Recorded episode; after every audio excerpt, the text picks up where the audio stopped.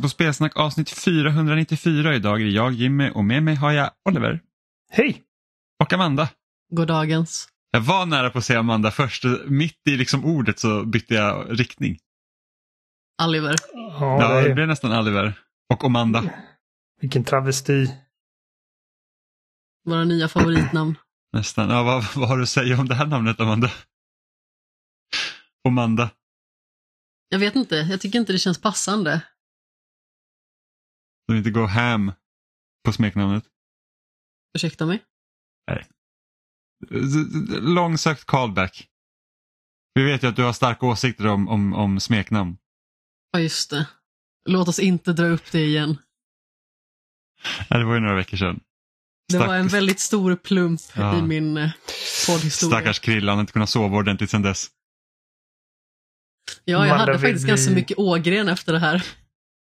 Inte, i, ingenting jämfört med vad Krille måste ha haft.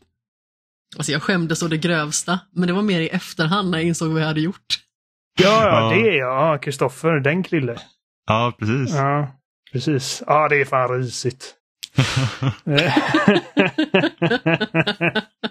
Amanda vill bli kallad Sten eller inget alls. Eller ja, Amanda går ju bra såklart. Men det var jag Ja. minns. Mm. Ja, jag gillar verkligen det. Det var så här att kallas du för Krille Kristoffer och istället för att Kristoffer skulle få, få börja svara på frågan så Amanda bara, ah, nu jävlar. Jag har äntligen, jag har bara väntat på den här liksom, stunden jag ska bara kunna liksom, ja, bara, bara förstöra det här namnet. Oh. Nej, Krille tog Kan det bra. man inte typ hävda temporär sinnesförvirring eller någonting? Ja, det, det var faktiskt Jo, som en, liksom, man en, en, det var en krasch vi bevittnade liksom i realtid. Det var så här, bara, ah, men när, när, när har liksom den här bilen knycklats färdigt och liksom folket har typ eh, trillat ur? Så, alltså vanliga dödliga människor som jag och Amanda. Jag vet inte hur det är med Jimmy och hans perfektion, ers, eh, eh, gudomlighet. Men, men sådana som oss, vi, vi säger dumma jävla grejer. Eh, utan att egentligen mena någonting. Jag sa en sån, jag har tänkt på detta sen dess, detta var på ert bröllop och jag pratade med Emma, Kajsa och någon till, jag kommer inte ihåg vad det var. Jag sa någonting så jävla dumt att jag, jag har fortfarande tänkt på det. Och, Vad eh, var det du sa då? och, och jag, jag kan inte ens säga det på podden. Så att, eh, Du måste, nu har du ju sagt A. Ja, nej, nej, nej, men det är oerhört olämpligt. Alltså att jag, jag kommer få berätta för er efter detta. eh, För, för jag, jag tänker inte säga det på... Men hur Om det är- olämpligt? Och om, om, om vem? Eller om vad? Jag antar att det inkluderar genitalier. Eller, eller är det så farligt? Jag kanske inte... Jag kanske spelar upp det i mitt huvud. Jag ser fram emot avslöjandet med spänning. Ah, nej, nej, jag håller det för mig själv. Jag, jag, jag, ja, Men var det om en specifik person? ja, Ja, okej. Då förstår jag att det kanske är lite känsligt. Eh, ingen som, någon som lyssnar skulle känna. eh, men, men, eh, men det var, ja. Alltså, och det var liksom inget illa menat. Det var bara liksom att jag satte en person i en kontext som absolut inte, eh, det, det var, ja, nej. Och nu sitter jag här och, och snackar upp det här liksom sjuka jag sa utan att tänka mig för. Och lyssnarna måste lyssna på detta och så får de sitta och undra för att de kommer aldrig få reda på det. Så jag ber om ursäkt för det. Min poäng Jag och är att kommer man skratta säger... åt det åt er i efterhand. Ja, men alltså ni kommer inte ta illa upp. Det är bara alltså för att ni kommer, ni kommer förstå liksom vad jag menar med det. Men när jag sa det så lät det så jävla illa. Och det ehm, ja, nej, som sagt, jag har tänkt på det mycket sedan dess. Jag bara önskar att jag inte öppnade käften där. Uh, Nej, men jag är en sån som dagar. ganska så ofta önskar att jag inte öppnar käften, konstigt nog. Alltså jag vet att många säger ändå att jag inte säger allt för konstiga saker liksom i sociala sammanhang. Men jag har ju lite den grejen att när jag sitter i ett sällskap så är jag väldigt tudelad. Å ena sidan så vill jag ju liksom så här verka intresserad, prata, kanske verka beläst och så vidare. Och sen så ångrar jag att jag har pratat mycket. För att det känns som att ja, men nu kommer de här personerna tycka att jag liksom tar upp allt syre i rummet och är en jäkla narcissist som bara pratar om mig själv. Men förmodligen så är man ju inte det. Det är bara det liksom att man har de här höga kraven på sig själv och man har liksom en bild av hur folk ska uppfatta en, enligt en själv. Man vill liksom kanske vara lite mer återhållsam, inte prata massa i onödan utan säga saker som är relevant och så tycker man att bara för att man har sagt två ord för mycket så är man världens pratkvarn som inte kommer med någon substans. Jag kämpar jättemycket med det i sociala sammanhang. Jag menar, du, du är ju en van käftöppnare också som har två podcasts liksom. uh, men, men jag ska säga att uh, det, du främst, alltså det händer ju att du, att du säger saker som man kanske inte, uppenbarligen.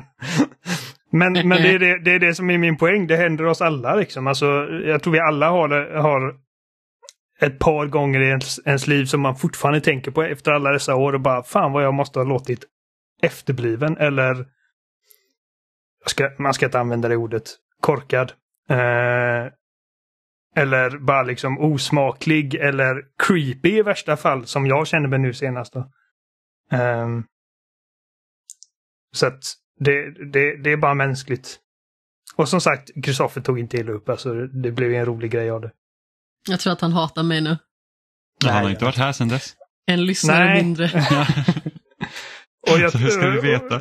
Och jag vet, vi pratade eh, häromdagen, jag och min fru och Jenny. Eh, och hon sa att jag, jag tycker Amanda är väldigt lätt att prata med. Så det ska du ta med dig. Vad roligt. Det gläder mig oerhört faktiskt. Hon hatar alla andra dock. Nej, jag ska. ja. Idag hände ju faktiskt en väldigt eh, intressant, eller en, en oväntad grej eh, när jag var på väg hem från eh, jobbet så såg jag att Charles Martinet ska inte vara Super Mario längre. Han, kommer alltid vara eh, Super Mario. Han pensionerar sig från rollen. Han kommer istället vara Mario-ambassadör. Vilket var, vilket kändes, alltså det kändes så himla märkligt för att, han, eh, för att han har ju varit Mario så länge liksom som vi har spelat tv-spel. Så länge Mario har haft en röst. Exakt. Eh, Hur länge har Mario haft en röst? nu ska vi se om jag läste rätt. Så att, spelmässigt så är det från Super Mario 64 om man då tänker liksom de eh, alltså huvudspelen i serien om man säger så. Men han var faktiskt med i en om det var typ någon så här instruktionsfilm där Mario var med eller någonting sånt från typ 94. Där han gjorde rösten första gången för Mario. Det var något CD-ROM-spel som eh, uh. var så här typ educational grej. Där det var ett Mario-huvud som flöt runt. Ungefär som startskärmen 60, eh, 64. Där han sa grejer. Åh, ravioli. Jag undrar om det var samma liksom så här Yahoo! I, i den infomercialen. Jag undrar om det är någon som det kan ju hända att den kanske finns uppladdad på Youtube. ja, det finns det. Jag har sett den. Ja, okej. Okay. Hur, hur det, annorlunda var den från?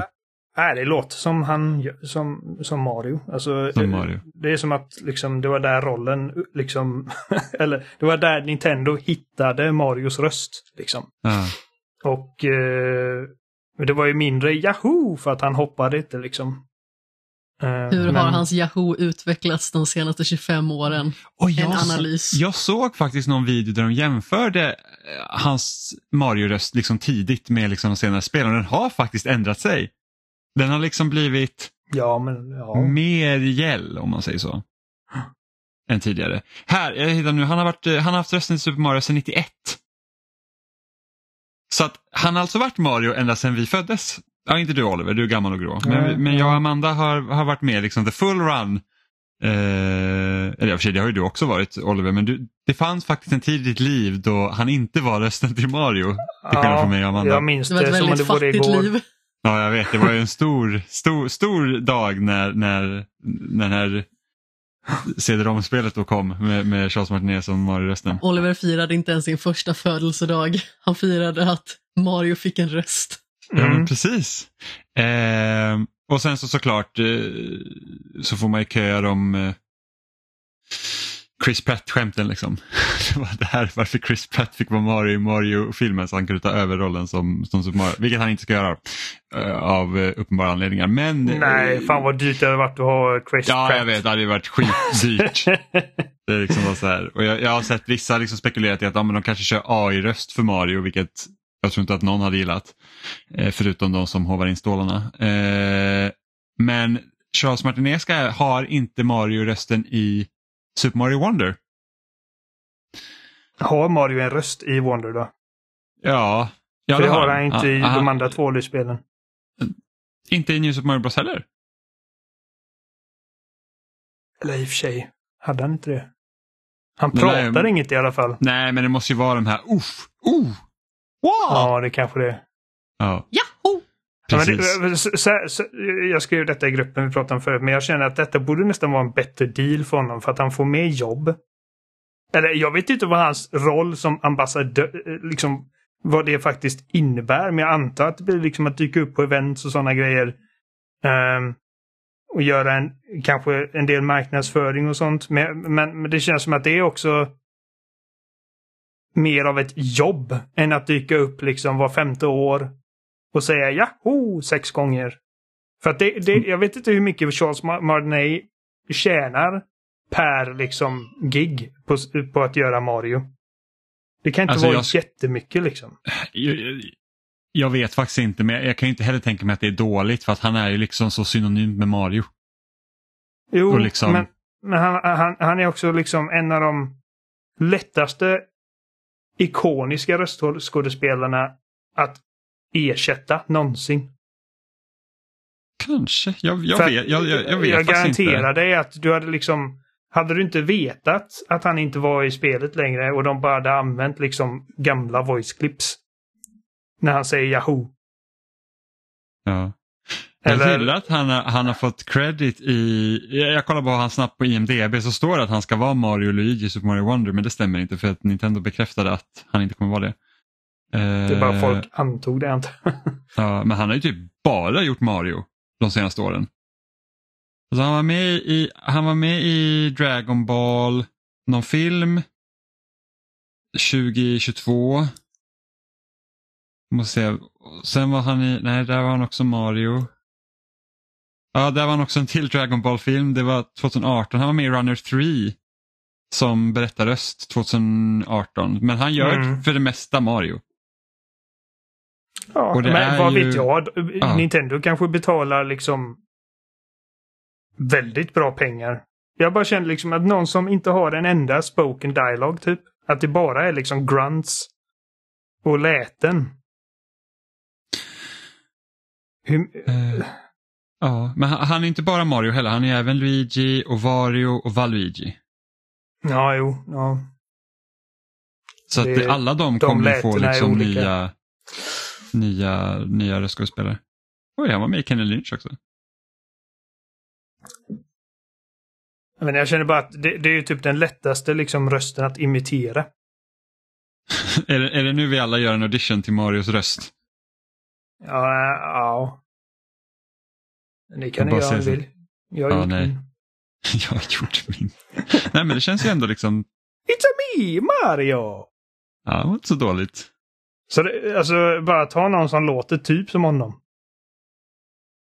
Ja, för jag tänkte, alltså, det, det, måste, förmodligen så är det ju en lookalike. Det är inte som att de kommer liksom säga, ah, men let's reinvent this. Utan det, man rösten? Voice alike. Jag vet ju att, mm. jag såg också att folk spekulerade om att det var en ny röst på Mario Super Mario Wonder efter trailern. Så att någon har ju uppenbarligen hört någon form av skillnad. Ja, det är intressant. Jag, jag har inte ens reflekterat över det. Det inte jag heller. Det var tillräckligt likt för att jag ska bara säga, ja men det är Mario. För det är som du säger, att det, han, han, låter ju lite annorlunda från spel till spel. Alltså jag, jag, ifall du spelar upp soundclips från 64, Sunshine, Galaxy och Odyssey så hade jag förmodligen kunnat peka in vilket Yahoo som tillhör till vilket spel. Bara för att liksom hörselminne. Det blir vår nästa quiz. Ja, men precis. Uh, men ja, Ja, men det, alltså, han, han, han får i alla fall inte kicken. Han får göra någonting nytt. Liksom. Och, Hur gammal är han egentligen nu? 67. Jävlar, jag tror det var mycket mer. Han är ju pensionär nu. Han har varit Ish. vithårig hela mitt liv. I alla fall så, jag har aldrig sett en bild på honom där han inte är vithårig. Nej men sen också frågan, när blev han liksom när blev han liksom spelkändis? När kom liksom de första artiklarna om att det här är rösten till Mario? Och så gjorde man liksom en profil av honom. för att det, Jag minns fan inte när jag liksom fick reda på vem det var som hade rösten till Mario, hur han såg ut och liksom om det var någon stor grej om det. Undras vad han gjorde innan han blev Mario. Alltså han är ju skådespelare så att jag antar någonting sånt. Alltså teater. Han har säkert gjort andra grejer. Alltså Harrison Ford var ju snickare tills han blev typ 30 eller vad det var. Ja, det var väl precis eh, när han fick eh, rollen som Hans Solo, va? Nej, han hade gjort lite grejer innan det. Uh, så här, små roller. Det var där i trakten i alla fall. Men Hans Han Solo var var ju ju ganska lite över tidigt. 30. Han var ju med i, eh, Ja, han- ja, Hugh, han var ju med i Hugh Grant-filmen Nio månader. Eh, han var också med i The Game med eh, Michael Douglas. Så Han att, Solo eh, var inte ens den första rollen han hade med George Lucas. Det var ju American Graffiti. Ehm, så, men ja, min poäng är att liksom Harrison Ford var inte skå- barnskådis liksom, utan han, det kom senare. Men han har ju i princip bara gjort tv-spel alltså. Harrison Ford, ja. här, nej, alltså Charles Martinet. Jag kollar, men på 90-talet så gjorde han ju lite allt möjligt. Han var med i någon tv-serie som heter Air America, Nash Bridges, A thousand men and a baby, tv-film liksom. Det är först på typ från 2000-talet och framåt så har det nästan varit enbart spel. Marios Game Gallery. Fan, han gjorde en röst i Super Punch-Out också. Police Quest, Basic Stories, Reasonable Doubts. Men det är liksom inga så här jättestora filmer. Det är väl nog den eh, Nine Months som egentligen är den största av dem skulle jag tro. Ja, kanske The Game också. Jag vet att den var ganska stor när den kom. Ja, ja men det är verkligen end of an era liksom. Ja, det... Alltså, han, han kommer ju... Han kommer alltid vara Mario. Det är som... Liksom, Mark Hamill kommer... Han kommer vara Luke Skywalker långt efter hans död. Men det är ju liksom så när äldre personer slutar eller går bort eller sådär. Alltså som sagt, jag menar Hayao Miyazaki har ju liksom eh, återvänt från pensionen, jag vet inte hur många gånger för att göra fler Studio Ghibli-filmer. Hur gammal är han? Typ 84 eller någonting. Mm.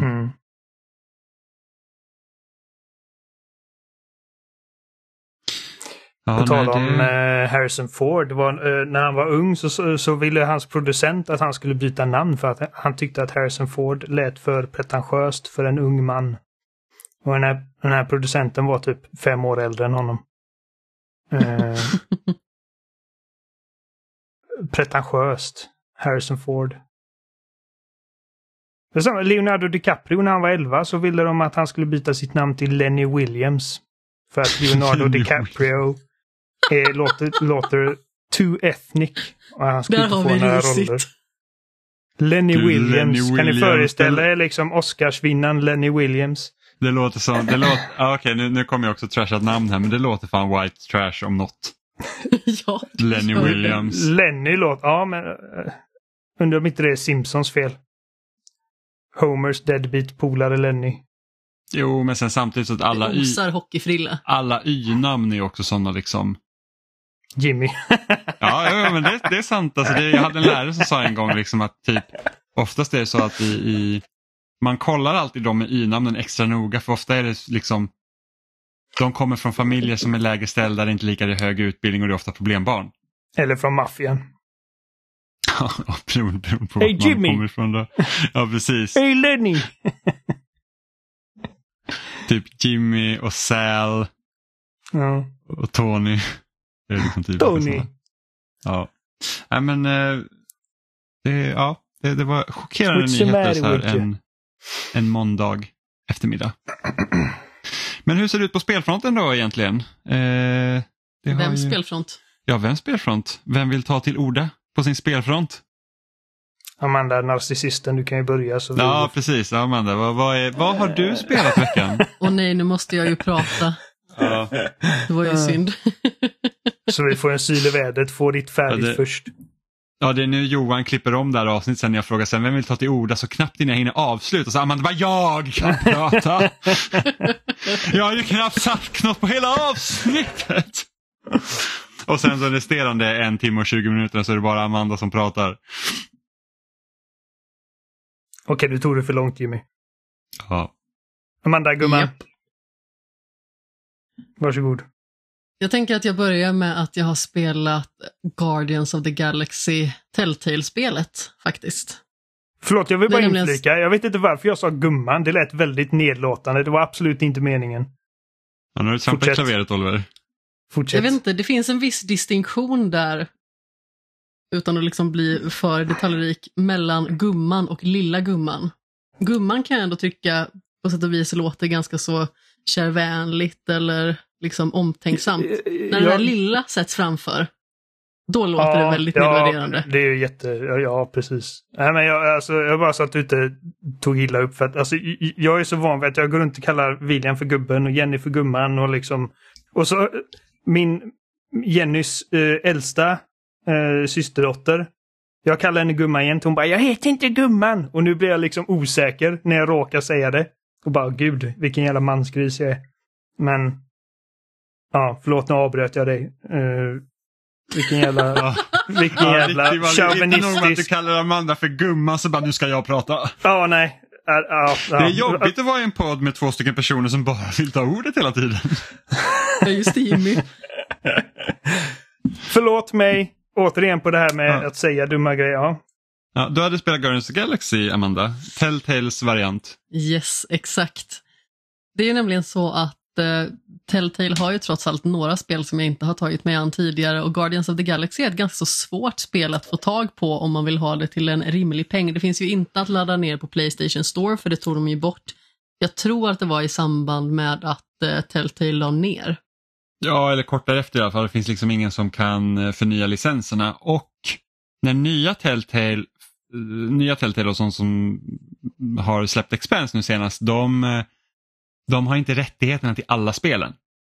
De, jag tror de har det typ till Walking Dead, Wolf Among Us, men till exempel Borderlands och, eh, första Borderlands tror jag också. Eh, Men till exempel Minecraft kan du inte få tag på, sen Guardians of Galaxy kan du inte få tag på. Jag är Batman nyfiken också, på att höra vad du har att säga om detta. För att jag, jag har aldrig spelat det. Jag har knappt hört talas om det. Alltså jag vet ju att det existerar. Men jag har liksom aldrig sett något eller hört något.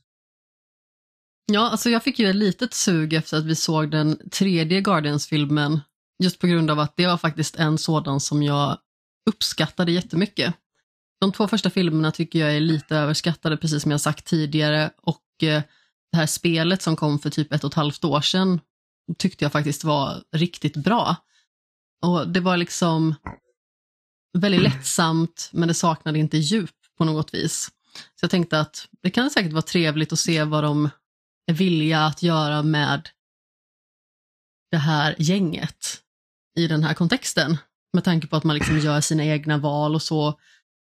Det handlar ju också om, ofta om att bygga relationer, vilket ju är väldigt viktigt i den här gruppen, i och med att det är ett tajt gäng. Så man följer det här brokiga gänget, precis som man så oftast gör. Och spelet börjar egentligen med att de tar koll på Thanos. Och sen så kommer de liksom över en artefakt som kan återuppliva de avlidna. Och då står de helt plötsligt inför det här moraliska dilemmat liksom att om de ska behålla den här och använda den för sina egna syften så finns det liksom en risk att det hamnar i klorna på någon form av annan kosmisk superskurk. Eller ska de faktiskt förstöra den? Vilket då innebär att de här nära och kära som de själva förlorat bara kommer att förbli minnen. Och jag Taylor's valde naturligtvis att... Vad sa du? Ursäkta, jag bara Taylor's oldest time. Ja, men precis. Och jag valde naturligtvis att eh, förstöra den. För att, eh, alltså dels så känner jag ju att Ja, jag man får välja. inte... Nu hörde jag inte dig igen Oliver. F- får man välja alltså? Ja, jag har ingen Ja. aning om vad som Mm. händer om man väljer att eh, inte förstöra den. Men jag valde i alla fall att förstöra den för att jag känner att jag behöver inte en hel jäkla Kree-armé efter mig. Jag har tillräckligt med ghouls efter mig i Diablo 4 så jag kände att jag behöver inte bli jagad av fler ondingar.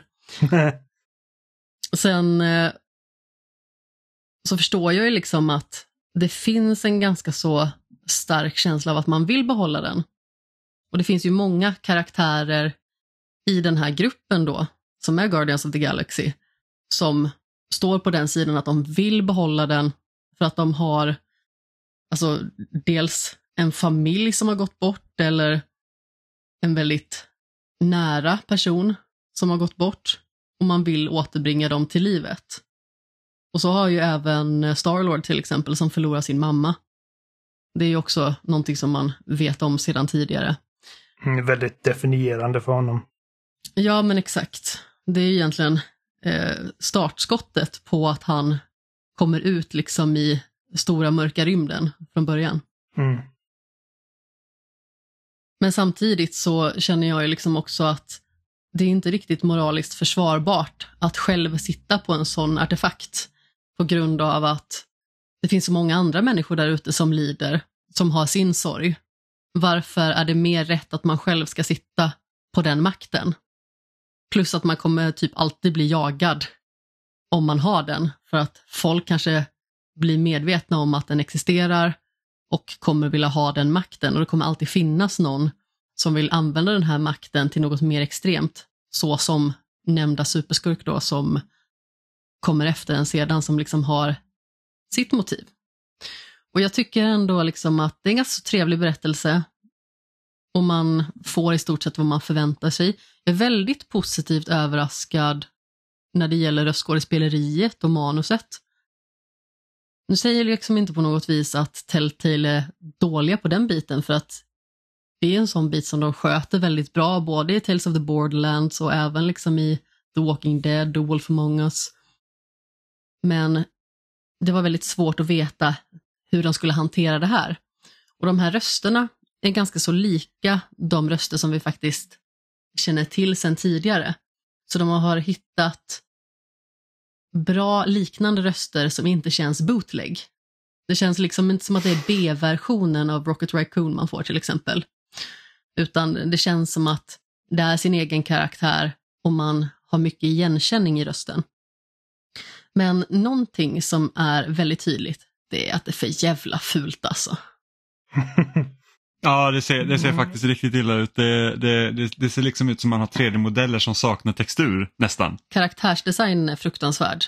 Alltså det är några få karaktärer som ser okej ut. Och det är typ Groot. Och ganska så svår att misslyckas med. De är inte... Han ser ut som Groot alltid gör. Ja, alltså de är inte, de är inte jättebra på det tekniska. Alltså i, i, även i deras bästa spel. Utan det handlar ju framförallt om hur man, eh, liksom, hur man sköter det rent estetiskt. Och så ta typ Ja. Wolf of Många ser liksom ett, ett eh, behagligt spel att titta på. Ja men precis, och de Eh. har ju också den här serietidningsbiten som de lutar sig tillbaka mot ganska så mycket känns det som. Mm. Utifrån det lilla jag har sett.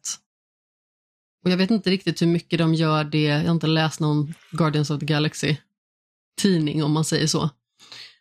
Men eh, alltså det ser ju lite risigt ut. Det känns som att proportionerna inte är riktigt hundra där. Men som sagt, det räddas upp väldigt mycket av den övriga presentationen, så jag tycker att det absolut är spelvärt. Eh, nu betalade jag 369 kronor för det tror jag. Och eh, hade ju lite otur där, men som tur är har jag ju tekniska Jimmy här som eh, hjälper mig och mina tekniska tillkortakommanden. För det var så att jag beställde det här på nätet på grund av att man inte kan ladda ner det. Och sen så när jag väl fick det spelade jag första episoden och sen så kunde inte jag ladda ner någonting. Och då Ah. visade det ju sig att jag hade fått en amerikansk utgåva. Och jag blev liksom så här, jag har fasen ingen aning om vad jag ska göra med det här.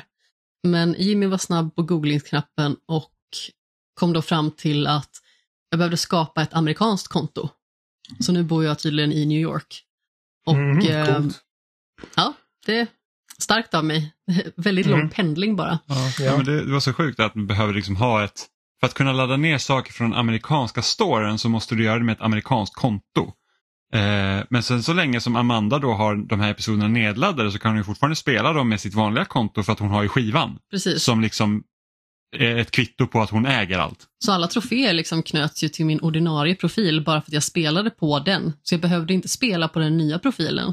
Så det liksom var väldigt besynnerligt. Men eh, ja, det är sånt som händer. Jag tror att det var lite liknande med Steamworld Quest, för då fick jag också en amerikansk kod. Och då var jag tvungen att skapa ett amerikanskt konto på min Switch, ladda ner spelet och sen så kunde jag spela det på mitt ordinarie konto. Mm. Det var ju samma sak för att vi fick ju eh, Hot Wheels Ja, just det. Unleashed av Stefan.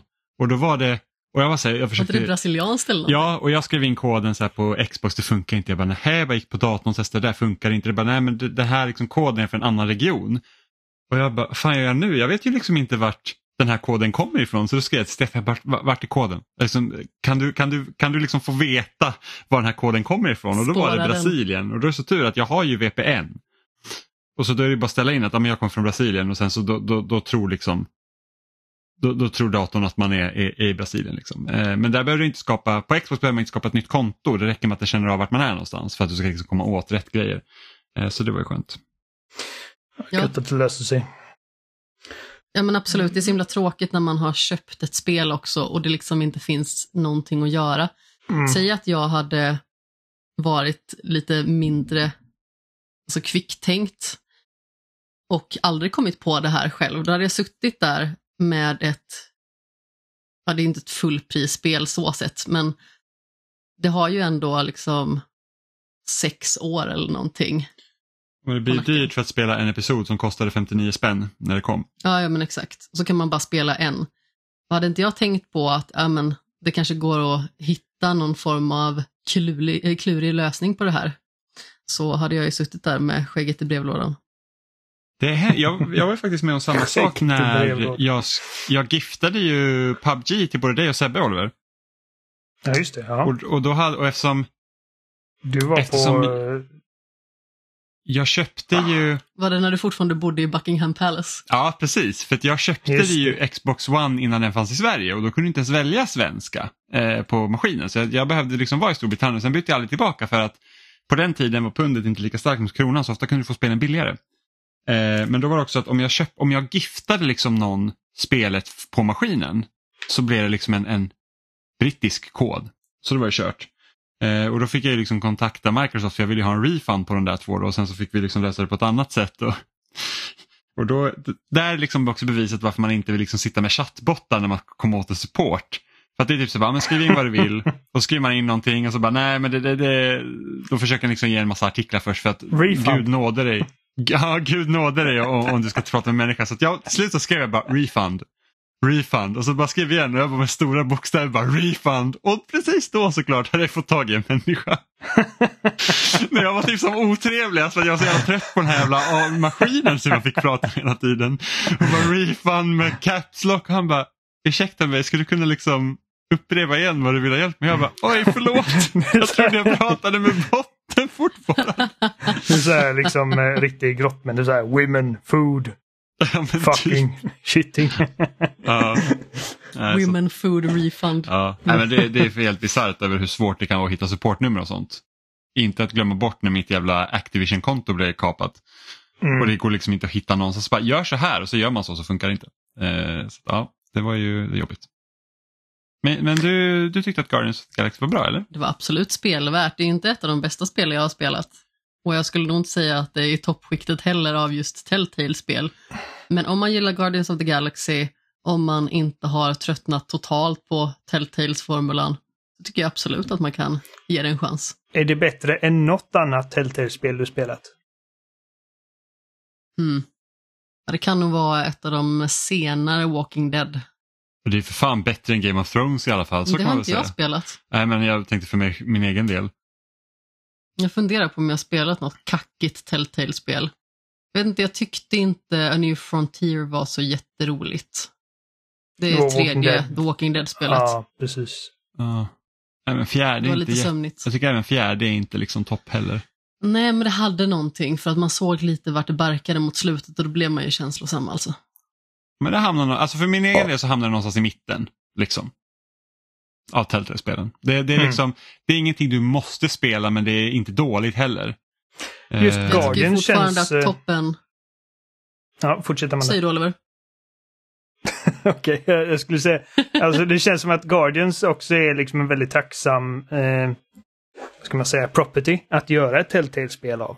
Eh, för att det handlar mycket om karaktärsdynamiken. Ja, men precis, liksom rapp det- dialog och sådär. Ja, och det är shenanigans som, som de hamnar i. Det, det, det är inte... Typ Spiderman hade varit svårare för att en sån viktig del av att vara Spiderman är liksom att få känna att man svingar inom städerna och... Och Alltså då hade du fått nästan vara mer fokuserat på Peter Parker. Ja, jo, men det hade också känts weird liksom med ett Peter Parker-spel. Där han är Spiderman typ 5% av tiden. Det är liksom... Fast de gjorde ju, alltså andra säsongen av Batman så är det nästan bara Bruce Wayne. Ja, det är väl... Nej, eller ja. Nu Du kommer är, jag inte ihåg väldigt exakt. mycket, du är väldigt mycket Bruce Wayne i andra säsongen av Batman. Jo, jo, ja, jo. Man ja, är väl ganska mm. så mycket Bruce Wayne i första säsongen också. Jo, det är man.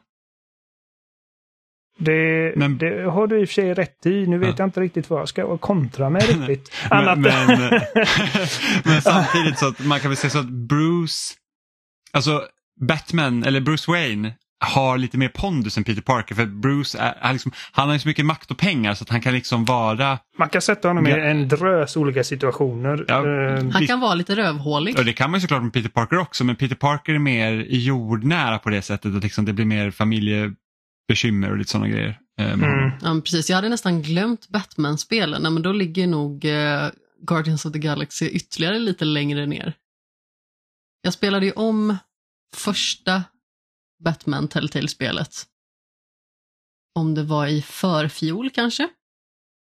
Om jag inte missminner mig. Ja. Ja, jag gillar dem. Okej, så det, Ja, det är alltså, bättre än eh, det var New Frontier bra. i alla fall. Ja, det skulle jag nog absolut säga. Ja, så det... Men som sagt, det känns lite taskigt att klassa det också på det sättet i och med att jag tycker att det är ett bra spel. Ja, det är jo, bara ja, det jag att eh, Telltale ändå har gjort eh, flera gedigna spel och även att man kan liksom säga vad man vill om den här utformningen och att den kan bli lite sömnig så lyckas de ju ändå med dialog, relationsbygge, att liksom få det att kännas som att man verkligen gör någon form av skillnad.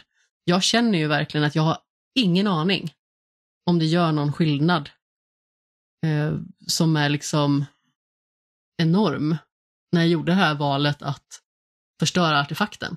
Jag misstänker att den går sönder ändå. Ja, men alltså, lite så misstänker jag också. Samtidigt så känner jag att undrar vad som hade hänt. Det är roligt att inte veta. Ja, ja men precis. Vad har ni spelat? Oliver, du kan väl börja? Eh, hade du också testat Quake 2 eller? Nej, men jag har spelat första Quake. Okej, för att tvåan är väl det som kom? Yes, På det är det som Xbox kom för någon, någon vecka sedan. Ja. Exakt. Okej, så du, du, ah, så du började med ettan. Du bara, ah, men jag, jag ska gå hardcore här nu. Jag, jag, eh, jag tar det från början. Ja, men jag har ju haft första Quake nedladdat sen det släpptes. Jag tror, om det inte var förra hösten det kom också, typ nästan exakt ett år sedan. Ah, mm. Eh, och, och jag bara, men jag kan testa Quake för att jag, jag har inte själv spelat Quake tidigare men jag, eh, vi hade liksom skånska bekanta som vi brukade bo hos när vi var eh, nere och tävlade i Skåne. Eh, och han spelade väldigt mycket PC-spel och han spelade Quake. Och det är liksom enda relationen jag har till Quake. Och jag bara, men det är liksom en sån här klassiker det känns som man borde liksom spela. Eh, och jag efter typ Doom Eternal och så, eller innan Doom Eternal kom så spelade jag liksom första Doom och lite sånt. Eh, och då tänkte jag, ja, men jag, jag ska testa Quake liksom. Eh, bara för att liksom ja, få känna på lite hur det är. För jag blev också sugen på tvåan såklart eh, när det kom. Som jag ändå inte har spelat. Ja, nej, alltså jag har aldrig spelat Quake förut. Menar, det, det, det är typ Quake och Unreal Tournament som är liksom så här riktiga blind spots i min så här shooter-historia. Spelade inte du Unreal Tournament 3 när det kom till 360? Nej. Ah, okay. Eh, och det, alltså, det känns lite när jag spelar detta som... Jag kommer inte fortsätta spela, spela någon bana. Och Mm. eh, det känns lite som att detta är liksom Dooms mindre sexiga, mindre muskulösa, lite så här tappade lillebror. Alltså, alltså, alltså, jämför du då med klassiska Doom? Eh, Liksom man tänker att de här kommer ju ganska tätt in på varandra. Jo, ja, men precis. Även om, även om detta är, som, som sagt, Quake 2 är ny, nyare eh, och har liksom ordentliga 3D-modeller och grejer än vad typ Doom 1 och 2 är. Så eh, det är bara, Doom 1 och 2 är liksom snudd på tidlösa i att de aldrig blir liksom tråkiga att spela. Ehm, jag, liksom man kan hoppa in i Doom 1 och 2 uh, eh, liksom än idag, tycker jag då. Liksom känner åh det här är, liksom, det är gött att bara blästa lite så här typ pixliga demoner. Um, och jag känner, jag får inte den känslan i Quake. Liksom, det, det är någonting med Framförallt så gillar jag inte hur det ser ut. Liksom den, sto, liksom den estetiska, liksom spelets art direction eh, träffar inte riktigt som jag, vill, som jag vill att den ska göra. Och vapnen träffar inte riktigt som jag vill att de ska göra. Och som sagt, jag är väldigt tidigt, jag har spelat något uppdrag. Ett och ett halvt kanske det blev. Mm. Så att jag, jag ska liksom inte döma ut hela spelet och säga liksom att ja, det här liksom, det, min, min FPS-expertis dömer ut det här som skräp. Utan det, det är mer liksom att det känns gammalt utan att ha liksom den, charm, den tidlösa charmen som Doom har, vilket gör att det liksom ironiskt nog känns äldre än vad Doom gör. Um, Intressant att du tycker så, för jag, jag känner typ, nu har inte jag spelat Doom 2, jag har spelat Doom 1. Eh, Jag tycker att Quake känns mycket bättre. ja, okej, ja. Men jag tror också det beror på att Quake är liksom ett riktigt 3D-spel och det är inte Doom. På samma sätt. Nej, nej men Det precis. är liksom, man har ju betydligt mer kontroll i Quake och liksom du kan, jag kan sikta liksom vad jag vill. Och... Sen så kan vi hålla med om att, liksom att utseendemässigt så liksom Doom har ju de här ikoniska eh, fienderna. Liksom att det, och det är samma fiender som vi har sett i både Doom eh, från 2016 och Doom Eternal. Medan Mm. liksom Quake, det är så okej men här är typ en ninja med rustning. Här är en typ troll med rustning. Och här är en riddare liksom med rustning. Så att det, det är liksom väldigt, alltså fienderna är inte speciellt minnesvärda skulle jag säga. men, men jag tycker det känns riktigt bra att spela. Sen är man lite sladdrig med handkontroll. Mm, Det märks ju tydligt att det här är ett PC-spel.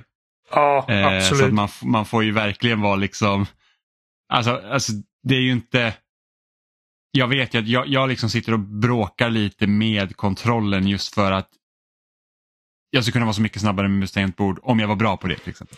Eh, så, så, att, så att om man skulle sitta på någon annan som är van spelare skulle säkert liksom så här, ja men det här rummet kan säkert blästa förbi och hoppa och göra liksom typ eh, 180 graders liksom headshots och grejer och jag är typ så här, här är mitt hörn, fram, skjut, bak, fram, skjut, bak liksom. Eh, men, men, men annars tycker jag det, det känns bra, det, jag tycker vapnen liksom är tunga och sådär. Eh, så jag gillar det faktiskt. Ja, men jag ska, jag ska säga att eh, liksom den här remastern då som du inte har testat än. eh, det är liksom en välgjord remaster. Mm. Vad har, har de gjort något speciellt med den? För att så som jag förstår det, Quake 1 är ju liksom Alltså allt är typ högupplöst men annars är det i mångt och mycket det spelet. Det, har- det har ju massa accessibility features och sådana och såna grejer. Och, och som sagt, jag har inte spelat originalet. Annat än att jag liksom, jag bara sett bilder och så av det genom åren. Um, så jag kan liksom inte säga exakt in i liksom precis detalj om vad som har gjorts. Jag kollade en video av Digital Foundry där de liksom eh, snackar om att de är im- imponerade över arbetet. Särskilt då liksom jämfört med typ eh, Red Dead Redem- Redemption. Ehm, som eh, man, i princip är samma spel. eh, Eller kommande Metal Gear Solid Collection där tvåan och trean är eh, bara portade från HD Collectionen som kom till 360. Ja, där kommer de undan med att det är en jävla massa innehåll. Liksom. Eh, Jo, jo. Ja, absolut. Men det är typ, alltså, de som hade testat det nu på eventet, det är liksom, det står fortfarande Metal Gear Solid HD Collection i huvudmenyn och det står en 2012 där eftersom det var då det spelet släpptes. Mm. Att, ja, det är sådana det- deta- detaljer som hade varit nice om. Ja, och jag tror typ maxupplösningen är 720p. Så Jag såg... Var inte det bara Switch-versionen dock? Så det är mycket möjligt, det kan bara vara Switch-versionen. Eh, jag såg IGNs video och de sa att de fick bara spela Switch-versionen. Ja, okej. Mm. Så kan det mycket möjligt vara. Men, ja, men skitsamma, vi vet inte exakt. Men, det, men den, den samlingen är liksom proppad med inte bara Metal Gear Solid 1, 2 och 3 utan också de här äldre spelen och sen eh, massa extra material och, och VR missions och, och soundtracks och skit. Så att liksom det, det är ju en ordentlig samling medan Red Dead är liksom bara, bara ett, hur gammalt är det nu? 13 år gammalt spel. Eh, Mm. Med minimalt liksom eh, modernt putsjobb. Så där är Quake, eh, det, det är en välgjord rema- remaster. Och, och, och, och i och med att det släpps också på, släpptes på um, Game Pass direkt rele- release. Så att det är ju bara att gå in och testa liksom. Och jag tror bara att po- poängen är liksom att jag, Quake kanske inte nödvändigtvis är för mig. Jag hade varit jävligt nyfiken ifall, för vi vet ju inte vad Ids nästa spel nu efter Doom Eternal är. Mm. Eh, Det kan mycket väl vara ett nytt Quake och då hade jag varit väldigt nyfiken på hur det hade känts. Ehm, Men hur, hur tror du att de ens hade gjort ett Quake? För, för det jag känner nu när jag spelar första Quake, det är att jäklar vad det känns mycket, alltså man kan verkligen se liksom DNA som leder fram till nya versioner av Doom. Så liksom, hur gör man Quake efter Doom Eternal och Doom 2016? alltså, bara fortsätt göra vad ni gör. Alltså liksom ta, ta Quake och gör med det vad de gjorde med liksom Doom eh, 2016. Modernisera det och... Ja, men, men vad? Alltså hur gör du? För att de är ju så lika. Ja, det kan jag inte svara på eftersom att jag är en sån... Jag, jag kan ingenting om, om Quake så jag har liksom ingen åsikt om vad de borde fokusera på, vad de borde göra. Ehm, Det kom ju ett multiplayer-spel med Quake för några år sedan. eh, ja, Quake eh, Champions eller... Jag minns inte exakt vad det heter men jag kommer ihåg i alla fall för det var också, undrar om inte det släpptes mellan Doom och Doom Eternal. Och då var man så här att oj, de ska göra ett nytt Quake. Jag undrar liksom vad, vad ska de göra med Quake och sen så var det bara multiplayer. Mm, det kom 2017, Quake Champions. Uh, se här, en snabb googling. Ja, nej, men jag vet inte, alltså, som sagt, id kan göra vad, vad de gör. Det kan ju vara mer Doom, det kan vara... Jag tror inte det blir ett Rage 3. Nej. Alltså det var Ja. inte ens id som gjorde Rage 2. Nej, men precis. Att om, liksom, inte för att jag säger att det aldrig kommer ett Rage 3, men jag tror inte att det blir id som gör det i så fall. Och, och det kan ju vara att de gör liksom någonting helt nytt också. Senast de gjorde det var ju med Rage, har jag för mig. Ja. Ja, nej, men det, det är nice. Och det här leder in- in på för att alltså... Särskilt nu så är det väldigt lätt att se hur influensrikt deras arbete på Doom-rebooten från 2016 blev för shooter-genren. För att innan dess så var det var liksom Call of Duty som gällde och det är så, ifall man har sett Noclips video om utvecklingen av Doom 2016, så första liksom bilden av Doom 4 var väldigt Call of Duty. Man sprang runt och bara oh, Alpha Squad och man sprang runt på jorden i liksom så här militaristiska uppdrag, så här väldigt linjär uppdragsdesign och eh, liksom AK47 och liksom och så, alltså, och så blev det bara att nej, vi borde bara gå tillbaka till rötterna och göra någonting som är väldigt old school fast nytt och fräscht och väldigt spännande på samma gång.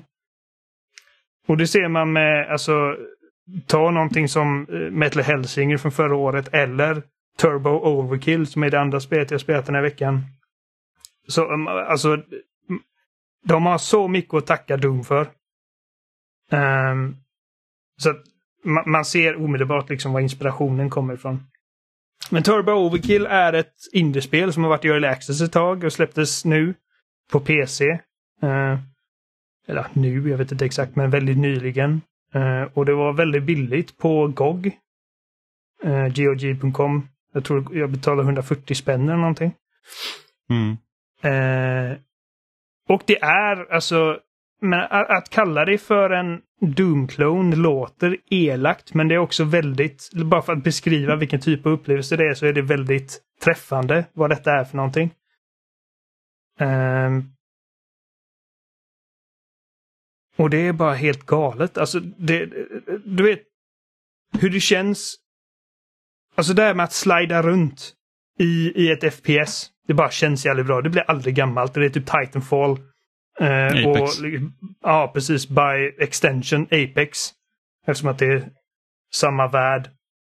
Eh, och det, är allt, liksom, det känns bra. Även liksom, i de spel där kod låter det göra det känns det bra. Det bara att slida fram känns gött. Och det, liksom det här med bunny hopping och sånt har funnits hur länge som helst. Men här jävlar vad snabbt man slidar och det är liksom ingen typ cooldown. Du kan bara spamma sliden och bara flyga över banan som, som Jackie Chan. Och de har satt en motorsåg på ditt ben så allting du slidar in i bara pst, blir pölse. Det är så jävla roligt.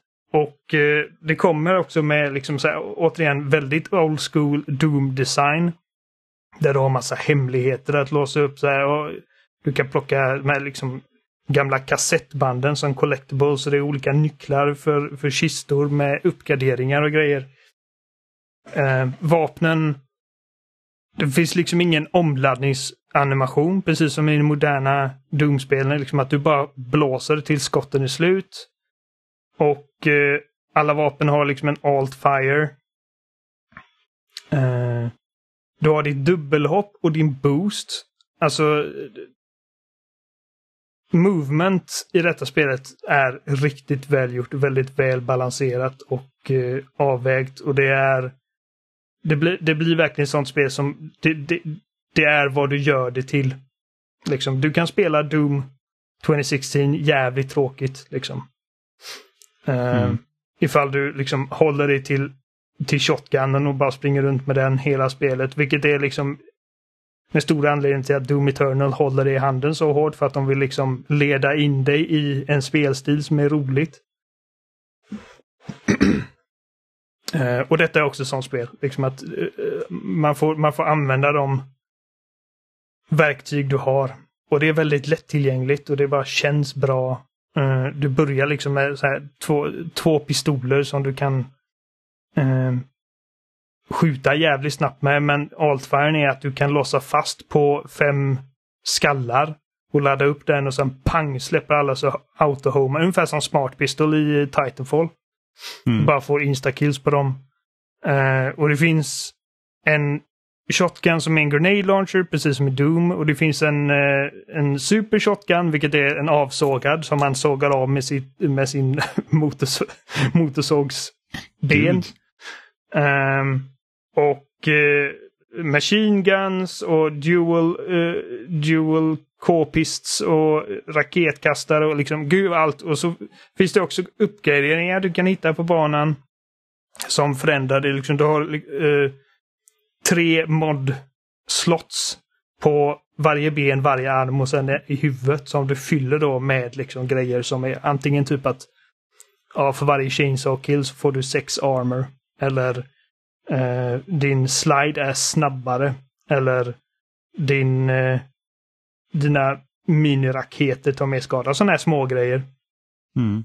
Men sen under spelets gång får man också nya uppgraderingar. Så eh, vid ett tillfälle så får du magnetstövlar som gör att nu kan du också springa på väggarna.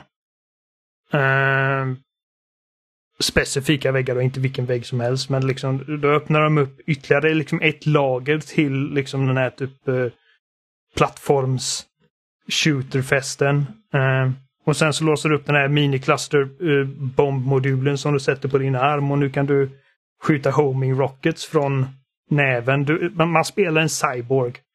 Och det är också väldigt dumt liksom att din, din karaktär är en ansiktslös eller om man ser hans ansikte i huvudmenyn, men man, liksom, han, han, han, har ingen röst. Väldigt liksom... Huvudmenyn. Eh, han har ingen röst, han säger ingenting och du har en robotisk liksom partner i huvudet som ger dig liksom directions och är lite snarky, precis som i Doom. Um, och uh, han ber dig att oh, du kan öppna den här dörren och istället så liksom bara raserar han hela byggnaden. Liksom den typen av energi liksom med, med den här karaktärsdynamiken de har. Eh, och men det är väldigt lätt på story, precis som Doom är. Liksom, alltså det, är inte, det är inte story man spelar den här typen av spel för. Du är på ett hämnduppdrag helt enkelt. Och du utspelar sig i en väldigt så här typ 80-tals retrofuturistisk cyberpunk-värld. Mm. Ehm, det, det är riktigt roligt. Vad roligt. Hoppas det kommer till konsol också. Jag för mig, om jag, undrar om jag inte hörde någonting om att det planerades för konsol senare. Jag skulle, jag skulle svårt att tänka mig att det inte skulle göra det i alla fall. Kom ju något annat spel nu också som släpptes på PC bara här i dagarna som är eh, som en andlig uppföljare till eh, Jet Set Radio. Bumrush Cyberfunk heter det. Eh, Ja, senare, senare kommer det. De har inte sagt Ja, det. det kommer senare Men, punkt. men det kommer i alla fall. Ja, men det finns ett annat spel som också är väldigt så här, inspirerat av gamla Doom och sånt som finns på Game Pass som heter Prodeus.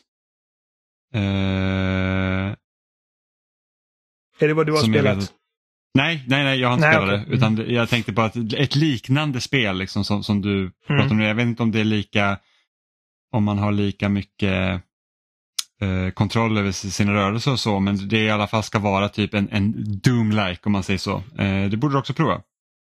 Mm. Det fick väldigt bra kritik i alla fall förra året när det kom på preview. Jag, har inte, jag har inte ens hört talas om det. Men, men detta hade jag inte heller eh, sparat in om det inte vore för Adam. Och han är ju mer av en PC-spelare än vad någon av oss är. Um, jag bara minns att han skrev till mig en dag. Han bara Dude! Dude! OMG, OMG, OMG! Turbo Overkill! That's the best goddamn movement in a shooter since bla bla bla. Och jag bara, ah, okej. För han ber mig alltid spela massa skit. Han tjatar om Baldur's Gate 3 hela tiden. Jag kommer aldrig spela Baldur's Gate 3.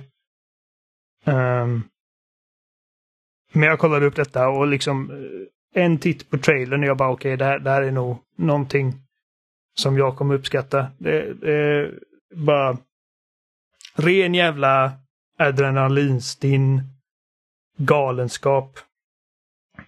Och du sprutar kulor om dig som om det inte fanns en morgondag. Mm.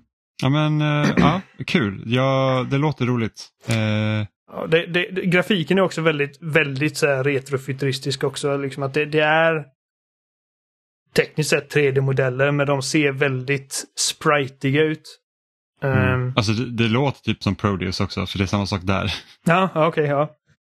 Eh, och har en väldigt liksom inte unik skulle jag inte säga, men väldigt stark art direction. Liksom att de vet Mm. vad de vill åstadkomma med det. Och, eh, och som sagt, liksom bara kul bandesign där, upp, eh, där det finns eh, hemligheter och grejer och, och, och stöta på runt varje hörn och det bara liksom uppmuntras att utforskas. Och, eh, och det är bara så jävla nice när man är liksom i en trång korridor och det kommer typ 56 bara springande liksom så low level fiender mot dig. Men jag säger low level, det finns inga levels i spelet, men liksom den svagaste fienden, den typen som Ja, inte skjuter mot dig. Som typ Eh. bara dör när man tittar på dem. Ja, men typ zombies i Doom som är bara där för, liksom, för att du ska få ammo refills i princip. Och du bara springer och, ja, och slidar igenom dem med din motorsågsben. Jag säger din, ditt motorsågsben och det blir bara liksom en enda stor jävla köttfärsfest. Och det liksom droppar bara inälvor och skit från taket. Det är asnice. Mm. Spel kan Ja, verkligen det- få det- en att låta som en psykopat alltså. jo, det, det så här, jag kommer ihåg det var typ kan det ha varit typ så här E3 2011 eller 2012 eller någonting sånt när typ alla spel hade typ neckstabbing. Mm. Så alla, typ, alla trailers på AAA-spel var det någon som liksom bara hoppade ner från hög höjd och bara stabbade någon i nacken. Liksom. Jag såg en tweet om det för att den senaste Summer Games Fest, att de öppnade med Mortal Kombat. Mm. Eh, och Mortal Kombat är ju givetvis liksom, alltså det är typ bland det mest bara löjligt våldsamma som vi har i, i, i hela spelindustrin. Ja. Och de verkligen gick in på det här med fatality som man ser liksom X-rays på när den, när den typ mjälte blir pulveriserad. vet.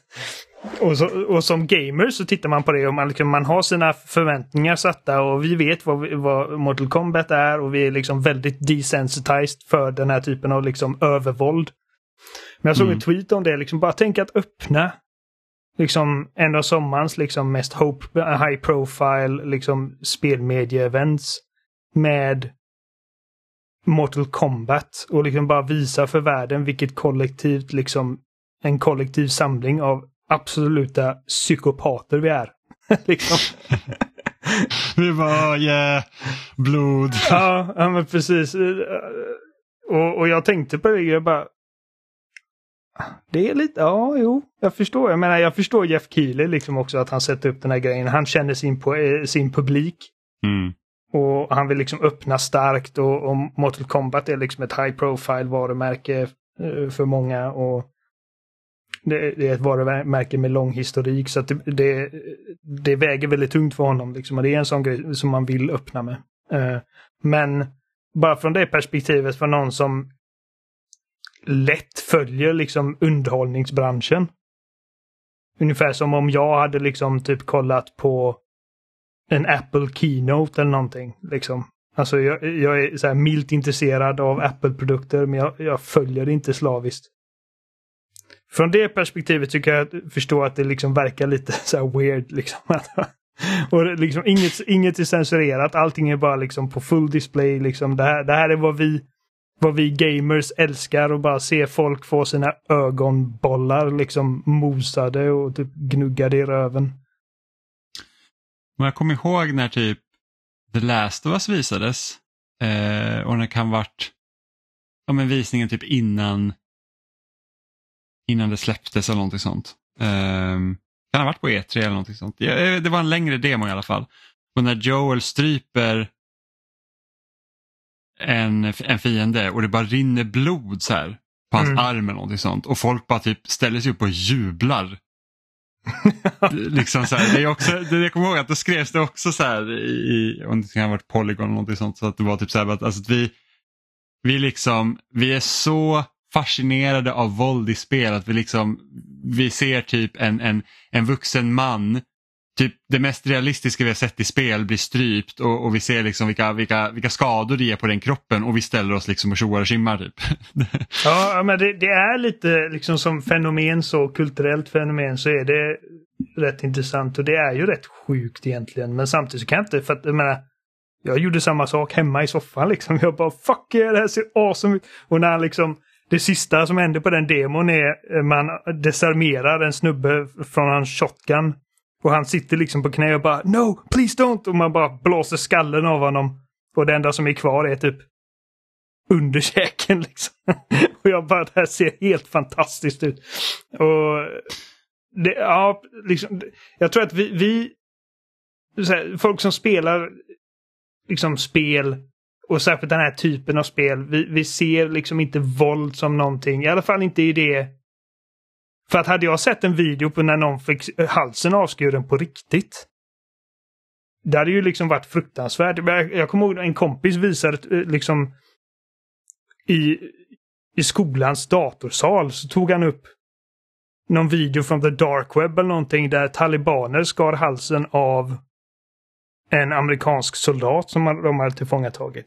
Och det ärrade mig. Alltså jag kunde inte liksom tänka på något annat än den här mannens sista liksom gurglande blodiga andetag.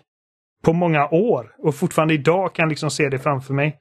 Så att det är inte det liksom att jag älskar våld generellt. Det är bara kul med våld i spel. Och det är samma som när man kollar på en Tarantino-film och huvuden börjar rulla och liksom fontänblodet börjar spruta. Och, och det, det, här har han fått försvara hela sin karriär också. Jag tror att där är det liksom att övervåldet går liksom till sån galenskap. Mm. Så att det går liksom typ inte att göra någonting annat än att skratta för att det är liksom så bisarrt. Det blir liksom inte ens realistiskt längre. Alltså typ alla hans filmer ballar djur i slutändan och ta hans eh, senaste film, Once upon a time in Hollywood, där det liksom kommer eldkastare och det är tegelstenar och det är en pool och alltså det är liksom så galet och man vet liksom typ inte ens vad man ska ta vägen med sig själv. Nej. Och, och det... det... går liksom nästan inte att göra någonting annat än att bara skratta åt det för att man kan knappt tro sina ögon för att det liksom blir konstigare och konstigare. Han har en sån nonchalant syn på våld också. Liksom är att men alltså, när Travolta skjuter skallen av stackars Marvin i baksätet av misstag. Poängen är liksom inte att Åh, vår kompis är död, utan det är Fan vad blodigt det är i den här bilen nu, vi kan inte köra runt med denna. Liksom. Och, de bara, och det blir en sån humoristiskt, liksom bizarr situation. Och, och sen också liksom att oftast när, liksom när övervåldet börjar i Tarantinos filmer så är det oftast liksom hjälten eller hjältinnan som åsamkar våldet på skurkarna som man hatar. Så när Django går in här, liksom på det här huset och bara skjuter alla slavägare och det bara sprutar blod överallt, folk flyger och eller när, eller när de liksom bara har, skjuter ihjäl Hitler och bara tömmer ett helt magasin i skallen på honom. Liksom, och det är bara... Ja, pizza-Hitler. Pizza-Hitler, ja precis. Och de, de bränner ner hela liksom, den här biosalongen full av high-ranking nazister. Och det är en sån liksom fantasi, så här fantasy power wish fulfillment liksom. Um, så att det är alltid väldigt mycket uh, vad, säger, vad, är, vad, heter det på svenska? Katharsis? Uh, Katarsis. Heter det katarsis? Ja. Det låter som ja. en sjukdom. uh, men ja, det är, är ledsen mycket... Oliver, men det... du har fått katarsis. Hans våldsamma... Du behöver antibiotika. Hans våldsamma klimax är alltid väldigt cathartic. Uh, och Ja, alltså jag tycker det är spännande med, med liksom den här våldsdebatten. Ja, men alltså jag kan absolut köpa att övervåld, när det inte görs på rätt sätt, alltså det är vidrigt och det är obehagligt och det känns väldigt onödigt. Och det kräver kanske någon som Tarantino som har sån fingertoppskänsla för att kunna hantera det. Och sen naturligtvis så kan det ju göras en poäng av det också i vissa filmer eller tv-spel där det är liksom så exceptionellt våldsamt. Ta till exempel The Last of Us Part 2. Ja, det var också en grej liksom. Alltså, när de visade det så en väldigt tidig trailer var bara mellansekvensen där Abby blir upphängd i trädet. Um, ja. Och Fruktansvärt de, obehagligt. Och de slår sönder Uh, jag kommer inte ihåg vad Levs syster hette. Oj, nu kämpar jag med att minnas här. De slår sönder hennes armbågar, va? Uh, nej, jag tror det är liksom um, underarmen. Just underarmen är det. Ja, precis. Uh. Det var i de regionerna i alla fall. Ja, så det var, det var en väldigt liksom tuff scen att se och väldigt liksom obehagligt, väldigt våldsamt. Och, och, och det här är också skillnaden. Inte Tarantino övervåld. Liksom. Det var, det var inga blodfontäner. Det var ben som krasades sönder. Um, och, och en kvinna som hängde liksom från halsen i ett rep. Och det blev också en stor, jag vet, liksom det var medier som pratade om liksom hur, var fuck, hur fucked up är tv-spel egentligen? Liksom att detta är inte bara liksom ens existerar i spelmediet. Utan också liksom att det är vad man visar upp. liksom som en sales pitch. Um, och ja, men precis. Det är ju väldigt rått. Och jag, ja, och jag kan förstå den liksom ska man säga, det, det mindsetet liksom. Men, men för mig när jag såg den scenen så blev jag bara alltså jävlar vad jag vill spela det här nu. Alltså jag vill se liksom vad det är som har lett upp den här. Vem är den här kvinnan? Och hur passar hon in i den här? Och det handlar liksom om att sätta ton och liksom måla upp en bild av hur den här världen är. Jo men så är det ju och jag vet att många verkligen drar tv-spel som ett extremt exempel, förmodligen just på grund av att man får spela det själv i mm. många fall. Att vara den som håller i avtryckaren eller för den delen i kniven eller vad det nu kan vara. Medan att man bevittnar det i andra sammanhang eller läser det i andra sammanhang. Mm. Men om jag kollar på en film till exempel, då kan jag kolla bort. Det kan jag inte om jag läser det, så nej, även där nej. är det obehagligt. Så jag menar, det känns som att man tar tv-spel bara för att det är en ganska så ny konstform i relation till böcker och i relation till film. Bara för att det är oftast vissa saker som man använder för att trycka på samhällsproblem och tv-spel är en liksom tydlig faktor i det. Mm. Ja, nej, och det, allting handlar om kontext också. För att liksom... Jag vet inte om ni minns det spelet som heter Hatred. Ja, precis. Som bara var liksom att det här är typ en... Du spelar som en människa som bara... Alltså en riktig sån, alltså typexemplet på en domestic terrorist. Som bara går till en affär och köper ett vapen och bara, jag ska bara mörda alla. För att jag, jag hatar mitt liv.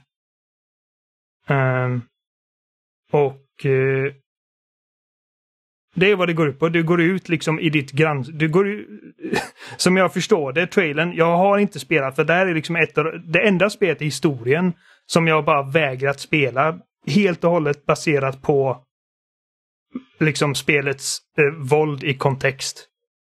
Uh, Särskilt liksom med tanke på hur världen ser ut och liksom hur, hur ofta detta händer, särskilt i USA. Där helt liksom normala människor som, som inte har något brottsregister eller liksom som alla så här i efterhand sa jag hade aldrig trott det om honom. Kan bara gå in i en affär och köpa en liksom AK eller typ M16 eller vad fan det är och bara gå till en skola bara skjuta ihjäl så många som möjligt. Och det var det spelet liksom såg ut att handla om. Liksom man, man går ut genom sin egen ytterdörr och bara börjar blästa alla som är på gatorna. Och det tycker jag är jävligt osmakligt. Och då handlar det inte om att det spelet liksom porträtterar våld värre, liksom bara rent visuellt. Att det är blodigare eller brutalare än vad typ Last of Us är, för jag vet inte om det är det. Utan det handlar helt och hållet om kontexten till det våldet. Och Men menar, liksom våldet i Last of Us är liksom obehagligt, men det är lite av en... Det är liksom, lite av det som är poängen också. Och jag känner inte att jag sätts i en situation där jag får leva ut mina mörkaste liksom skolskjutarfantasier för att liksom... Det finns gränser. Och det är som jag tycker Rockstar är jävligt bra på att balansera den gränsen också. Den enda gången jag någonsin har blivit illa till mods av våldet i ett spel i GTA 5 när det är ett uppdrag man ska förhöra en stackars jävel. Tortyrscenen. Ja, precis. Uh, och man får liksom välja vilket tortyrredskap man ska använda. Och man får liksom, det är typ olika quicktime events. Man typ skendränker honom, slår in knäskålarna med en stor skiftnyckel, drar ut tänderna och elektrifierar honom. Och, det, och han liksom det är ganska klart också från början att den här människan är oskyldig. Liksom, han har inte gjort något. Och han liksom ber för sitt liv. Och jag känner verk verkligen för och, och det Ja, det är enda gången liksom våld i spel har gjort mig illa till mods. Och det är inte nödvändigtvis liksom som sagt visuellt brutalare eller, eller blodigare än vad Mortal Kombat är. Liksom. Men i Mortal Kombat är det liksom humoristiskt brutalt. Det är lite som Gears också. Ja, du liksom motorsågar någon i tu. ja, och det är, liksom, det, det, är så överdrivet att det är, liksom så att det är, det är svårt att tycka att det är osmakligt. Sen samtidigt, jag kommer ihåg att när man fick se trailern på God of War Ascension, då kände jag också att det här är lite väl mycket. När man typ sätter sina ja. jävla knivar i den här jävla cyklopens öga och bara drar ut och sen den här jävla stackars typ elefantvarelsen man typ bara drog av snabeln liksom över ryggraden och grejer. Ja, då, då var det också att det där är för mycket. Nej, jag älskar det. Det är cartoonvåld liksom. Ja, men, alltså... ja, fast då tycker jag att det blir som cartoonvåld liksom på, det liksom blir för, det, då, eh, jag har liksom inte sett den här trailern efterhand, men då var det verkligen så att nu börjar vi hamna så nära att det ser liksom det ser för verkligt ut och den här liksom stackars jäkla elefanten, när man såg bara hur den plågades. Bara, äh, nej, då ja, nej, det är en elak elefant, vad fan. Jo, jo men en, Han äh, slog dig först. elak, jäkla, det är ingen alltså, fucking jävla babars onda tvilling. Ja, men det är ju inte babar. Alltså det är en, det är, det är en, en en elefant som går på två ben och svingar en klubba efter dig liksom. Alltså, Jo, det är inte det, det att man går jag- ut jag- på savannen och bara spräcker skallbenet på någon stackars elefant där. Nej, men, bara, men, jag, kommer ihåg att det, var, det är liksom våld som jag sett i trailerform där jag kände bara så att oh. Sen är det inte säkert att jag tyckte det idag längre men det, det är liksom då var det så här, nej det är för mycket. jag Det är inte älskar, barbar, det är barbar. Ja, faktiskt. jag älskar Ja. det Ascension. Särskilt på de här liksom medusorna som har så här, du vet, väldigt eh, liksom snyggt modellerade ormkroppar med liksom glansiga fjäll och grejer. Och nu lämnar man kvar långa jävla liksom kött eh, liksom skåror i dem när man hugger dem. Och det är bara awesome. Och sen Äh, klyver de, de bara klyver han på mitten från skallen. Fantastiskt. Nej, jag blir nog mer illa till mods än någon av er kanske, när det gäller spel. Det som den, ni spelar ju mer realistiska spel kanske än vad jag gör. Ja, det är jätterealistiskt när man klyver fucking barbar på Nej, mitten. men alltså jag menar generellt sett, ni spelar mycket mer skjutarspel till exempel. Ja, Ja. Vi, vi spelar spel som, som eh, strävar efter att ha någon form av realistiskt utseende. Kan man säga. Mm, precis. Och jag har ju spelat ett som inte alls har realistiskt utseende och som Oliver kommer säga är anime bullshit förmodligen. Ja, Nino Kuni. Yes, Bra protagonistnamn Jag, i eh, alla fall. ja eller hur. Ja. Jag har ju spelat Nino Kuni Wrath of the White Witch Remastered som kom för fyra år sedan. Det känns som att det är mycket kortare tid sedan. Men hur som haver, Nino Kuni Wrath of the White Witch är i alla fall ett spel som släpptes i Japan 2011, kom hit till Europa 2013 och jag spelade Brytpunkten 2014-2015. Och det är ett av mina favoritspel. Det ligger väldigt högt. Och det är sådär en spelupplevelse som är på något sätt väldigt svårmatchad när det gäller den typen av rollspel för att jag la ner väldigt mycket själ och hjärta i det. Just på grund av att det är ett ganska så klurigt spel. Jag hade inte vid den tidpunkten så jättemycket spelerfarenhet. Och sen så var det liksom så mycket motstånd i slutet. Alltså det var jättesvårt. Alltså dels så finns det en boss som är nä- relativt nära slutet, som är i tre sekvenser. Den var kämpig att ta. Jag trodde att jag hade klarat spelet. Det visar sig att det är relativt mycket till att spela och sen så är det en likadan slutboss, det vill säga i tre sekvenser. Och den slutbossen, den satt jag med länge och jag gick tillbaka och grindade och sen så kom jag tillbaka igen och försökte och sen så samlade jag på mig massa objekt så att jag skulle kunna hela mig och fylla på MP och sådär. Och till slut så tog jag det aset och jag tror att den gången jag tog bossen så satt jag och slog och kastade magi och helade mig, fyllde på MP och skit i 40 minuter för att få ner den. Det var kämpigt. Och jag trodde på fullaste allvar att jag inte skulle spela Nino Kuni igen. Just på grund av att det liksom var en så utmanande men ändå förlösande upplevelse. Plus att som sagt, det tog ganska så mycket tid att spela igenom.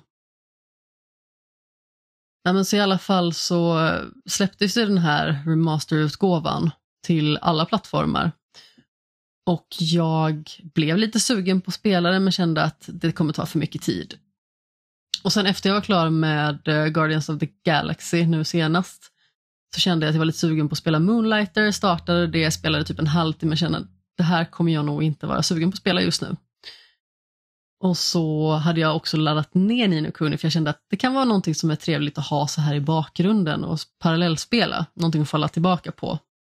För jag hade köpt det sedan tidigare, att jag tänkte att en dag kanske jag kommer att spela det. Så jag satte mig häromdagen och eh, verkligen påmind om vilket otroligt spel det är ändå. Och eh, det flyter liksom på väldigt väl. Jag kommer inte ihåg om det fanns Easy i originalet. Men jag är ganska så säker på att jag spelade på normal. Vilket var ganska så utmanande och det märks rätt tydligt för den här gången spelar jag på Easy bara för att jag känner att jag vill mest ta mig igenom upplevelsen, mysa. Och det känns betydligt lättare än vad det gjorde då. Sen så kan det ju vara att min förmåga att navigera genom ett eh, stort japanskt rollspel kanske har blivit ännu bättre och att eh, det jag hade spelat innan dess var typ Pokémon. och lite Final Fantasy. Men hur som haver så handlar ju Nino Kuni Wrath of the White Witch om en pojke som heter Oliver.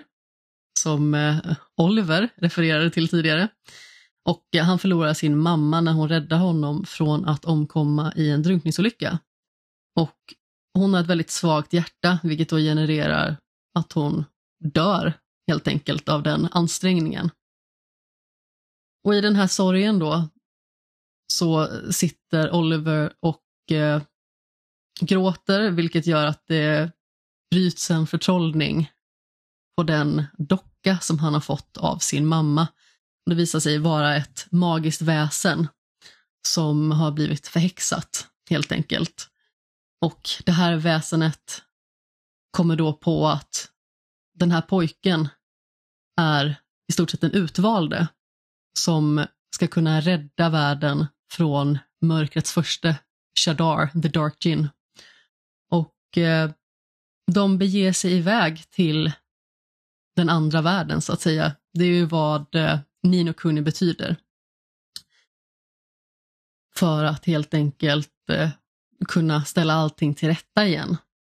Och i och med att Oliver då är the pure-hearted one så har han en möjlighet att besitta väldigt starka krafter som ska kunna hela världen, helt enkelt. Och det visar sig också att hans mamma, Ally, är en eh, väldigt kraftfull magiker sedan tidigare. Eh, precis som jag sa tidigare så finns det liksom två stycken olika världar. Det finns, om vi säger den vanliga världen inom citationstecken, den som då ska representera den verkliga världen och sen så finns det magins värld. Och i båda de här världarna så finns det identiska kopior av varje person. Så att det finns liksom rent hypotetiskt då en Amanda i den verkliga världen och en Amanda i den magiska världen. Alla har en så kallad soulmate helt enkelt. Eh, och det betyder också att det kan påverka väldigt mycket med hur karaktären i respektive värld har det. Så att man måste färdas fram och tillbaka genom de här världarna för att lösa olika typer av problem. Så det blir ju dels lite pussellösning på det sättet, även att man guidas ju ganska så mycket, men samtidigt så är det ju också, som sagt, de här rollspeliga, till viss del turordningsbaserade striderna. Och som jag nämnde tidigare så tyckte jag att det var betydligt mer utmanande förra gången. Den här gången känns det bara liksom som en eh, mysig färd att hänga med på. Det känns som ett eh, ganska så behagligt åtagande just nu och jag funderar ju på vad jag ska starta upp liksom innan nästa spel som släpps når världen liksom och det är ju Sea of Stars och sen så vet inte jag om eh, Goodbye Volcano High blir uppskjutet för jag kan inte se något släppdatum längre på det för de skulle släppa samma dag där den 29. Jag har ju funderat på att spela Dredge också. Så då kände jag att i och med att jag spelat Nino Kuni innan så kunde det liksom vara någonting att falla tillbaka på. För det är skönt att ha det i perioder och i synnerhet nu liksom när man är tillbaka på jobbet. Man kanske liksom inte har sin fulla hjärnkapacitet så som man har liksom plus lite till när man har semester. Man har liksom mycket bättre uppmärksamhet, man är mycket mer utvilad och man känner liksom att man kanske har lite mer entusiasm att ta tag i saker. Så det kändes det som någonting som var skönt att falla tillbaka på. Och nu när det också visade sig att det kunde göras betydligt lättare, åtminstone än så länge, så eh, tycker jag att det känns som eh, ett väldigt eh, bra val från min egen sida faktiskt. Men du hade inte spelat Nino Kuni alls va, Oliver? Ja, ursäkta, vänta. Jag eh, stängde av micken för att jag satt och fes och så glömde jag sätta på den. Det var tur att vi fick veta det. Ja, uh, nej, nej, jag har inte spelat det. Jag, jag beundrar den grafiska stilen och jag gillar premissen väldigt mycket som du pratade om, liksom att det börjar med en tragedi. Och det känns väldigt Miyazaki. Uh. Ja, det är ju ett väldigt fint spel och det är liksom väldigt känslomässigt laddat. Och eh, första gången jag spelade så blev jag liksom väldigt drabbad av inledningen. I och med att jag liksom inte visste vad som skulle hända. Men nu är det ju liksom ett 12 år gammalt spel. Så man har ju Mm. liksom koll på det där. Men man kände ju ändå liksom hur det ryckte lite i ögonvrånen då, får man säga. Eh, Ehm, det finns bara en uppföljare va? Ja, men precis. Det finns ju eh, Nino Kuni 2, Revenant Kingdom och sen så finns det något form av mobilspel som heter Nino Kuni Crossworld som väl ska vara sådär. Jag var ju sugen på att testa det bara för att ha testat det egentligen. Men eh, det ska vara en trea under utveckling men det verkade som att teamet stötte på problem någonstans. Så jag vet inte riktigt vart någonstans det ligger i utvecklingen eller om det ens kommer att bli av. Men jag hoppas ju verkligen att det blir av för att jag uppskattade tvåan också. Och om de liksom lyckas hitta någon form av bra balans mellan ettan och tvåan så hade det uppskattats väldigt mycket för att tvåans strider är mycket lättare och mer tillgängliga än vad ettans var. Men tvåan hade också väldigt välkomna element så som att man liksom har någon form av nästan stadsbyggarsimulator där man har sitt lilla kungadöme, där man då rekryterar nytt folk och liksom sätter ut dem på olika platser. Det blir liksom ett litet minispel i det hela. Och sen är ju berättelsen otroligt mycket bättre i första spelet. De vändningarna som första spelet har är otroliga. Och jag älskar det spelet Eh, och det djupaste. Så om man gillar den typen av spel, uppskattar rollspel och om man uppskattar Studio Ghibli som ju var en del i utvecklingen av första spelet tillsammans med Level 5 så borde man definitivt spela det. Och det är väldigt roligt för att jag har en kollega som jag faktiskt pratat en del om Studio Ghibli med. Och eh, hon råkade se i min eh, story på Instagram häromdagen när jag la upp en bild på vår lilla kattunge som eh, hade däckat på min soundbar. Här såg hon att jag eh, spelade det och frågade vad det var för någonting och hon blev ju genast jätteexalterad så hoppas att eh, hon kommer gilla det också den dagen hon tar tag i det. Ja, nice. Hade du spelat något mer Jimmy? Eh, ja, men jag tänker att klockan är rätt så mycket så att jag tycker att vi hoppar... Klockan är quiz. Ja, precis, klockan är quiz. Som du hade förberett Amanda. Ja, alltså jag blev så himla exalterad över att Oliver hade fixat det förra veckan så jag hade quizen klar typ efter eh, En timme. fem minuter eller någonting höll jag på att säga. Det är Jimmys tur nästa gång nu. Ja, ja, men precis. Eh, nej, men som sagt, vi fortsätter ju på samma spår här. Vi har fem frågor. Ni besvarar... Ja, du börjar ju besvara frågan Oliver i och med att du sitter längst bort och inte i samma rum. Mm. Så jag kan hålla koll på Jimmy om han försöker skurka sig. Nu tror jag inte att han kommer göra det naturligtvis, utan jag bara retas ju. Eh, förra veckan blev det 3-2 till mig, va? Ja.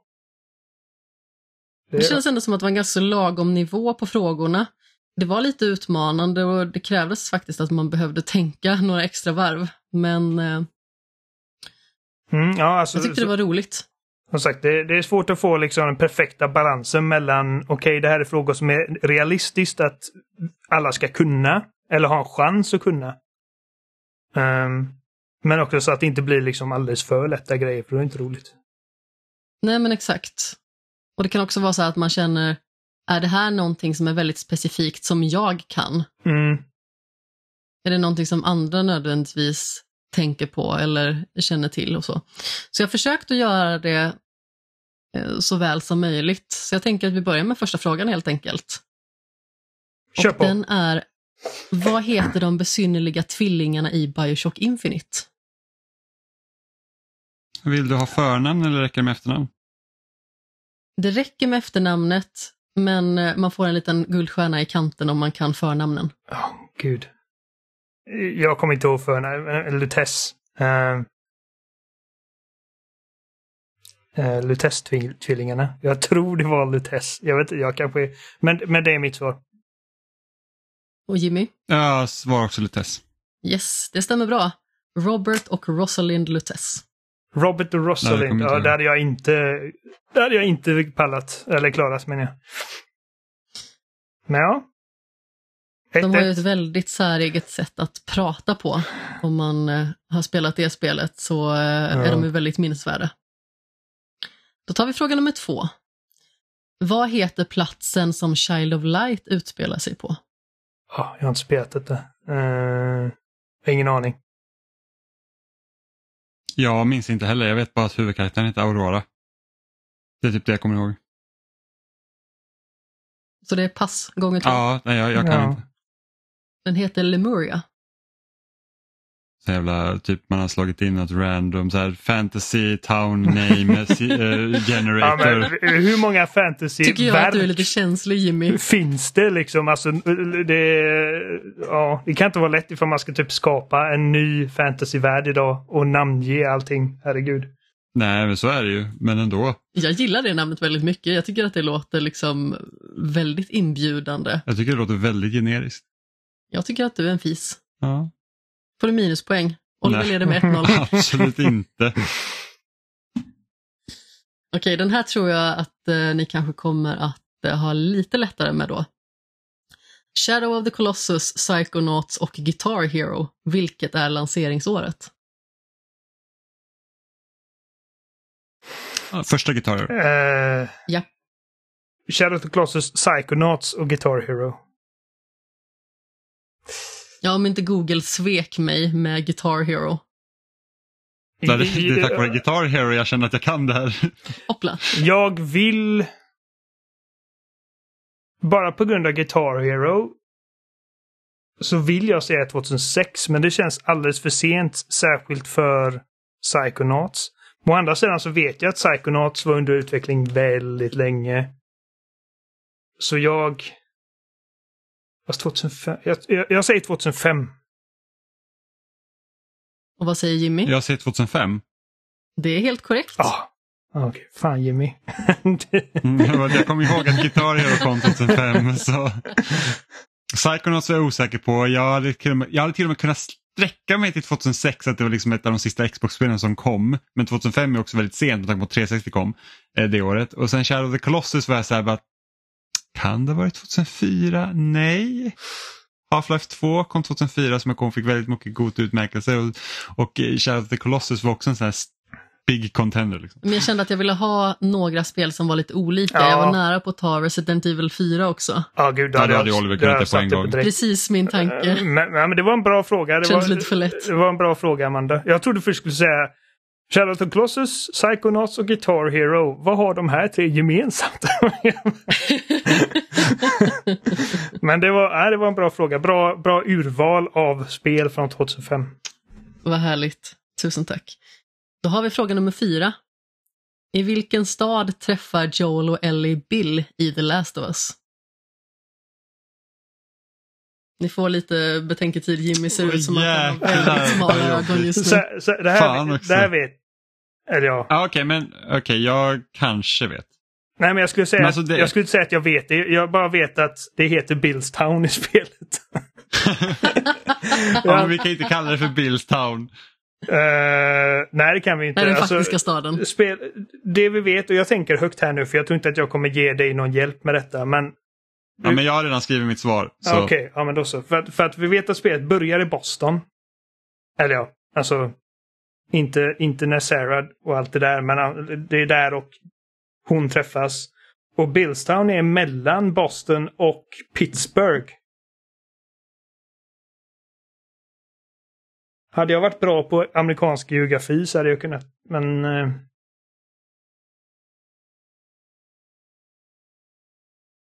Får man, alltså, nämner de den här staden vid namn i spelet?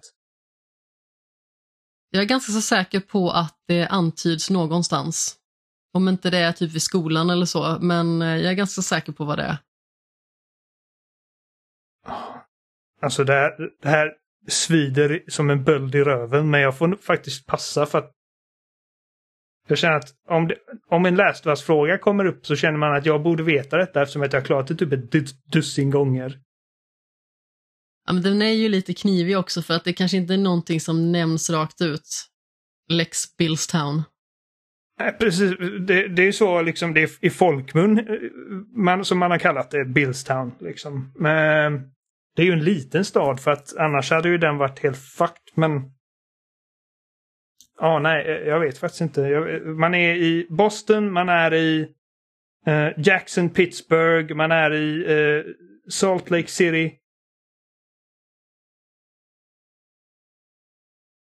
Ja, men Billstown, jag vet faktiskt inte. Vad säger Jimmy? Vad säger Jimmy? Nej, jag skrev bara Pittsburgh för jag tänkte jag bara, det kanske är en förort till Pittsburgh eller något sånt. För det var så här, Boston, Pittsburgh, det är typ det jag har. Det är inte Pittsburgh, det är Nej. Lincoln. I Massachusetts. Det är faktiskt sant. När du säger det. Lincoln. Ja, det är det. Det är typ att skolan heter typ Lincoln High eller något sånt där. Jag tror det. Men hur många Lincoln finns det inte i USA? ja, nej, det, Finns Det bara gör det ju liksom inte till fin, mindre. finns bara ett. Pittsburgh. gud. Ja, nej, det, det var bra jobbat att du lyckades få en Last of Us-fråga som jag blir helt stampt på. Jag trodde ni skulle ta den som bara den. Så jag är faktiskt lite nöjd. Känner mig också lite taskig som är nöjd. Ja, det är dåligt. Då kommer den sista frågan alltså. Vad heter berget i indiespelet Celeste?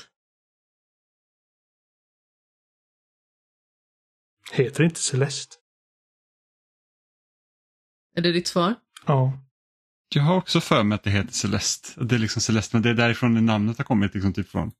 Det heter Celeste. Ah, det var, det var, Jag det tänkte var, att det skulle vara en liten kuggis. det var, det var en bra fråga också. För att det, liksom, hade du frågat mig vad heter huvudkaraktären i Celeste så hade jag förmodligen sagt Celeste också. Men, Ja, men det är ju precis det som är så himla lurigt. Nu sitter jag Vad är det hon heter? psykad här. Hon, heter, hon heter Madeleine. Madeleine! Ja, Madeleine. Ja. Madeleine. Jag är lite psykad här för jag vet inte riktigt hur vår lilla kattunge kom upp på diskbänken för att jag tog undan handdukarna innan för att jag trodde att hon använde dem för att klättra upp. Men det finns ju, tydligen det finns ju en liten handduk där ju. Ja, men jag tänkte att hon kanske inte nådde den. Nåväl. Hon är- det, är, det är en Det katt. blev hur som haver 3-3. 3-3. Ja, vad är utslagsfrågan? Jag har ingen utslagsfråga. Vad dåligt. Det var det inte alls. Vi kan göra så så här att... eh, Det ingick inte i avtalet. Hur många makaroner i den här burken? jag, Min upp, imaginära burk. jag uppdaterar bara en tally här. För att Amanda har tre, nu har Jimmy fem sammanlagt och jag har tre. Och nästa vecka så är det ju Amandas och min chans att komma ikapp. För att Jimmy, då, då, då kommer du med fem frågor. Ja, Jag känner nervositeten krypa på redan nu. jag förstår inte riktigt varför man måste vara nervös. Jag kommer göra det svåraste quizet. För att, för att du är ett rövhål. Bara, hur många tänder har Super Meat Boy i sitt smile? ja. Men jag kanske till och med ger alternativ ni får svara på, det vet man inte. Ja, men man får ju lägga upp det lite Okej, som man vill. ja, ja. Huvudsaken är att det är fem Ja, nej, jag, sko jag skojar bara. Jag kan göra så, alltså, jag retas bara. Jaha. Eh, Lättaste bara för typ poäng och sånt så är det om vi håller oss till det här formatet. Liksom. Ja, ja, absolut. Jag, jag bara skojar. Men jag kanske gör så här riktigt jobbiga frågor som man säger att Jimmy, kan inte du bara ta bort henne därifrån? För hon håller på att krypa ner i jävla stekpanna just nu. Är plattan på? Nej, den är i vasken. Men jag hittade henne ståendes på spisen tidigare. I en eh, gårdagsanvänd stekpanna där Jimmy gjorde sin äggröra. Och det var inte det att hon stod och slickade lite i stekpannan utan hela hon stod i den. Ja. Det bästa sättet att undvika sånt är att spruta dem i ansiktet med pepparspray varje gång de klättrar upp. Det låter som Mm. ganska så drastiska åtgärder och absolut inte någonting som jag kommer göra med min bebiskatt. Okej. Ja, nej, men bra, Ja, bra men det- frågor eh, Amanda. Mm, ja, men det var, det var allt vi hade för idag för att klockan pinnar på. Eh, så vi hinner helt enkelt inte mer. Eh, ni hittar som vanligt på spelsnack.com. Där finns också länkar till alla ställen vi finns som Facebook, Twitter, Instagram, YouTube, Apple Podcast och Spotify. Vi finns i din favoritpodcast-app som vanligt. Eh, ni kan också mejla till oss på kontaktet spelsnack.com eller byta ut några av era, några av era, några av vå, Ni kan byta ut kontakt mot några av våra förnamn svensson.com för att också komma åt oss helt enkelt. Eh, ni kan också gå in på loading.se eh, för där lägger vi också upp avsnitten varje vecka och kommentera om ni så vill. För om ni har synpunkter eller vill att vi ska prata om något speciellt. Missa heller inte sista helgen i september på lördagen. Där kommer vi också streama massa spel när vi firar 500 avsnitt. Ja, just det. Ja, och ni hör oss som vanligt varje onsdag i edra öron. Vi hörs igen nästa vecka. Hej då! Hej då! Puss i ljumsken.